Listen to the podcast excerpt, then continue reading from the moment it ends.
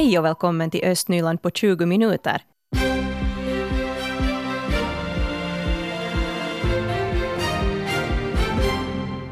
Klockan är halv sju. Du lyssnar på de regionala nyheterna i Östnyland. Jag heter Helena von Aftan. God morgon.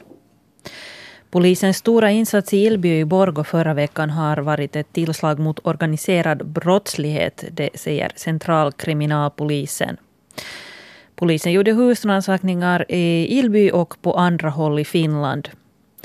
Centralkriminalen betonar att den nu pågående utredningen inte har med incidenten i Ölstens att göra då två poliser skottskadades. Föremål för tillslagen har varit det kriminella gänget United Brotherhood och dess underavdelning. Brottsmisstankarna gäller smuggling, vapenbrott och ekonomisk brottslighet. I samband med husrannsakningarna beslagtogs över 150 vapen och 55 kilo narkotika. Polisutredningen omfattar tiotals misstänkta och 21 personer har hittills häktats. Mjuk mark kan bli stöttestenen för det planerade Citymarket-bygget på Västra Åstranden i Borgå. Platsen är låglänt och marken är mjuk på det område där stormarknaden är planerad. Det innebär att det kan vara utmanande att bygga underjordisk parkering under Citymarket-bygget. Staden diskuterade det här i ett möte med Kesko igår. Borgå står gärna till tjänst med den kunskap staden fått av de markundersökningar som gjorts på området. Och Sibbo kommun planerar att bilda en ny sysselsättningsenhet. Det här skulle ske bland annat genom att flytta verksamhetscentret Vägskälet från social och hälsovårdsavdelningen till utvecklings och planläggningscentralen. Tanken är att effektivera kommunens sysselsättningsservice. Som det är idag är servicen splittrad och produceras av olika enheter vilket försvårar bland annat handledningen av klienter. Och Borgå stad fortsätter leta efter en bildningsdirektör. Ansökningstiden tog slut sista augusti men nu har staden fattat beslut om att förlänga ansökningstiden till den sista september. Tidigare ansökningar tas i beaktande. 20 personer har sökt tjänsten inom utsatt tid. Och Borgå stadsstyrelse gjorde ett enhälligt beslut om saken igår. En rådig förbipasserande släckte snabbt ett brinnande konstverk under Mannerheimgatans bro i Borgå natten mellan lördag och söndag. Och igår så var det en sorglig syn som mötte de som promenerade där under bron. De sista resterna av konstverket låg nämligen på marken och pelaren var svart av sot. Och det här konstverket det hade då bestått av en ring av granna stickade mjukisdjur och händer kring en pelare. Och det var konstnären Johanna Cornelius som hade fyllt Borgå med sina lekfulla konstverk. Vi har ju tidigare talat om hennes konst här också i sändningen. Borgåbon Veikka Saarela han var natten mellan lördag och söndag på väg mot Krämaretorget från Borgå å. Och då märkte han att det kom rök från undergången under Mannerhängatans bro. Och så här berättar Veikka Saarela om vad han såg lördag, söndag natt så gick jag där ungefär från Kliffahållet mot, mot det där krematoriet och så märkte jag att det började stiga ut rök med, då under bron och det där så fick jag genast då den antagelsen att, att det brinner helt enkelt någonstans. Då, då kom jag lite närmare, självklart för att man är en nyfiken person och så stod det ju två killar och då visade det sig att den där eh, mellersta pelaren där vid den där undergångsstället så det här finns ju av de här um, konstverken som nu finns omkring Gamla stan och i Borgå överhuvudtaget så det här konstverket håller på att brinna. Och det där lågorna var ungefär en och en halv meter höga och det där. Då frågade de här killarna att, att vad de visste och, de hade antagligen, eller de sa att de hade ringt åt, åt det där att brandkåren skulle komma på plats och det där. Och då tänkte jag att, att inte kan man ju bara bli här och vänta, vänta på att det där det skulle brinna till slut för att jag fick ju genast den antagelsen att det, det blir, blir ju ingen stor fara för att det är bara betong och, och, och sten där omkring. Men att bättre ändå att försöka då som det heter på finska esisammutta så det där, så jag sprang till krematoriet vart jag hade bilen och, och det där tog med mig de vattenflaskorna som jag brukar ha. Att, och så kom jag tillbaka och så släckte den där branden då. Brandkåren kom ungefär en tre, fyra minuter efteråt och, och det där konstaterade att det behövs inte göra något mer. Att, att, det, där, att det var en, en, en så pass liten brand men att tur var ju att den inte spred sig. Att i värsta fall så en sån där brand så när den slår lite låga och vi har ju Gamla stan riktigt bredvid så tar de där äldre trähusen flamma och så är det där och så har vi sen halva Borgå som brinner. Att det var ju liksom det där största befogade paniken för brandkåren att om Gamla stan med sina trähus började brinna. Att därför kom det sen ganska fort. Hur många vattenflaskor gick det åt då? No, jag har två en och en halv liters flaskor så det tog det på en tre liter vatten. Just det, ja. Du har mycket vatten med då i bilen? Nej, jag brukar ha, jag håller på med, med hiking så det där, det brukar alltid finnas lite vattenflaskor i bilen eller och allt, allt möjligt annat bråte. Det kan jag tillägga att det vore synd att sånt här sker. Att liksom, jag förstår inte vad är det som slår en människa i huvudet att gå och tända sånt här. Och speciellt när vi talar om, om sådana här strukturer som finns nära Gamla stan. Att det behövs bara en liten gnista och så har vi halva Gamla stan sen nedbrunnen och, och liksom, vad är det som får liksom så här att, att, att liksom engagera en människa till att göra sånt här? Det, liksom, det, det går inte i mitt huvud. Och det sa här Veikka Saarela som alltså var ögonvittne till en skadegörelse här i Borgå under veckoslutet. Och det var Helena von Alftan som intervjuade honom. Om man har kört förbi Söderkulla centrum på sistone där i Sibbo så har man fått ha kanske lite tålamod för det har varit vägarbeten där i närheten av de här matbutikerna. Det är ju så att man bygger en ny mataffär, Lidl, där i närheten av den här K-matbutiken. Och där har varit mycket på gång på det här området och man eh, bygger, bygger om vägen nu där och det kan vara lite rörigt i trafiken och, och, det är oasfalterat och gropigt och eländigt. Så jag skickar vår reporter Stefan Pavlo dit för att kolla hur lätt det var att ta sig fram den här morgonen. God morgon Stefan! God morgon. No, inte kan man nu säga att no, ja, först var det ju den där trafikolyckan där som den, en stackars älg hade irrat sig in som man fick vänta på. Sen kommer man hit till Söderkulla. Här löper ju trafiken betydligt långsammare än den skulle göra i normala förhållanden i och med att man bygger det här lill men dessutom bygger man ju också här sen Yttaron Lidl här, det är ju riktigt här i Söderkulla centrum, alltså om man räknar butikerna så blir det först då S-market, K-market och sen kommer här att vara en Lidl-butik. Så här bygger man Yttaron, den riktigt breda refuge här nu också som man stenlägger som bäst. Och sen är här sådana här olika grävmaskiner och traktorer som slätar ut och försöker fixa vägen klar för asfaltering kan jag anta. Så det, det tog det nog ske ganska snart. Jag måste säga att här är ganska många, jag tror att här är kanske två, tre stycken som, som enbart är, liksom bara jobbar med att dirigera trafiken. De har en sån här stoppskylt i handen och sen har de en radiotelefon och kommunicerar med varandra att när måste vi stänga av någon del av körriktningarna för att, för att grävskoparna ska kunna jobba. Och där kommer en sån här mycket märklig mopedbil nu inkörande med några andra bilar och de har fått köa där lite men inte det är nu lång kö, där är nu fyr, fyra bilar i den kön så det är ju inte så det är ju inte så dramatiskt men, men sakta kör man ju här och gropigt och skumpigt är det så. Man ska nog hålla i sig så ska man vara på sin vakt nog hela tiden för att de här skoporna far ju hit och dit och nu kör där ut en traktor igen på vägen så där och tar en del av körfilen.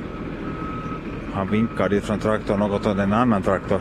Jo, här är nog samarbete säkert viktigt att allt funkar med det här. Och här är en, två, tre, fyra, fem, sex, här åtta stycken tror jag. Åtta stycken ju olika slags traktorer, grävmaskiner som jobbar här som bäst. Så det är nog fullt show på gång. Plus sen då stenläggare de här trafikdirigenterna som byggarbetare, de, de håller faktiskt redan på rappar utsida dit och tror jag kanske när de till och med målar där så det ska ju bli klart vid årsskiftet det här, den här butiken. Men det kommer ju att innebära säkert en, en det är nog lite för att skrapa i huvudet nu på den här de här K-market och Kesko som är här fast i för att det där, för att det där Lidl brukar nog pressa lite med priserna så kanske det, det, det blir svettigt för handelsmännen det kan, det kan bli en fördel för Söderkullaborna istället. Man får ner lite priserna på mat och dylikt. Men annars så kan man säga att det går lugnt till här och det är som bilarna skulle ha liksom vara beredda på det här och de kommer sakta och kör nog lugnt. Där på motorvägen däremot när det var då efter den där olyckan var det fartbegränsning 80 så jag måste nog säga att när jag körde 80, jag tyckte se mig att jag hade satt kör, körmaskinen ungefär på så att jag körde 83, 84 kilometer i timmen så tror jag nog inte att enda, en enda bil behöver komma. Alla körde nog förbi fast fartbegränsningen var 80. Men sen när man kör längre fram så ökar hastigheten ända upp till 120 nog sen. Konstigt nog med de här elektroniska tavlorna i denna dimma. För har man någonting överraskande framför sig så är det nog helt klart att, att, att att det händer någonting, liksom det nu hände. Försikten är nog verkligen dålig. Och som du sa där är Katarina här, så det där med de där belysningarna kan vara lite överraskande för en som, särskilt om man kör med någon jobbbil eller en lånebil så kommer man inte att tänka på att där är belysningen börjar lysa automatiskt framåt men inte nödvändigtvis bakåt och det är jättefarligt särskilt i sånt här före. Det kan vara knepigt det där, så. Stefan. Uh, hur är det annars där nu i, i Söderkulla där du står där det är fullt med arbetsmaskiner? Rör det sig mycket fotgängare också och vet de i så fall hur man ska gå där på området? No, alltså, det är nog på det sättet bra att fotgängare och cyklister kanske har, har lättast att röra sig. För här, jag går här på den här cykelbanan som också är fotgängargång, alltså lättrafikled här på andra sidan och här får man nog vara riktigt i fred. Här stör inte det byggnadsarbetet. Man kan tvärtom se hur flitiga de är här och följa med. Det som man däremot ska vara försiktig med när man går här. Så det är ju det att här är en del sådana här cyklister som är så att säga, ska man säga halvproffsiga cyklister och de kommer jättehårt här. Så man ska nog se till att man håller sig här på, på liksom bortre kanten så att de har rum att cykla förbi. Annars kan man nog få sura miner hela tiden med bli påkörd för här har nog några kommit, kommit ganska hårt, kanske sådär 30-40 kilometer i timmen. Och det är ganska mycket, det är hårdare än vad bilarna kör här på vägen. Många har ju kanske funderat på det här med det här planerade hotellet och citymarketbygget på Västra Åstranden i Borgå. Att ska det nu alls bli någonting av de här planerna? Eh, det har ju varit svårt för Hartela då att presentera någonting trots att många har trott att det ska komma information om vem som är på väg som hotellaktör. Och det har ju varit så att att eh, en förutsättning för att Citymarket ska byggas är att hotellet också kommer dit. Det här var någonting som kopplades ihop här inom beslutsfattande i Borgo. Nå, nu har det då visat sig att det här planerade Citymarket-bygget har stött på utmaningar. Det har visat sig vara utmanande att bygga under marken på det här området där stormarknaden är planerad, eftersom det är låglänt och marken är mjuk. Vi ska höra biträdande stadsdirektör Fredrik von Schultz när man bygger på stranden under marken så, så finns det vissa utmaningar. Det är rätt mjukt och, och sånt här, så det var närmast sådana detaljer som vi diskuterade. Vad är det som Kesko alltså är missnöjd med? Nej, skulle jag vilja påstå att, att man är missnöjd med någonting, men det finns vissa utmaningar när det, det är mjukt och, och, och, det är ganska låglänt och sånt här. Och, och när man bygger utrymmen under marken så, så blir det tekniska utmaningar och risker. Och vad är det de kräver i de avseendena? Men jag tycker att det kanske är fel att säga att de, de kräver någonting utan, utan det är en sak som vi har möjlighet att titta på tillsammans hur, hur det är vettigast att, att bygga på det där stället. Och hur ställer staden sig till det här?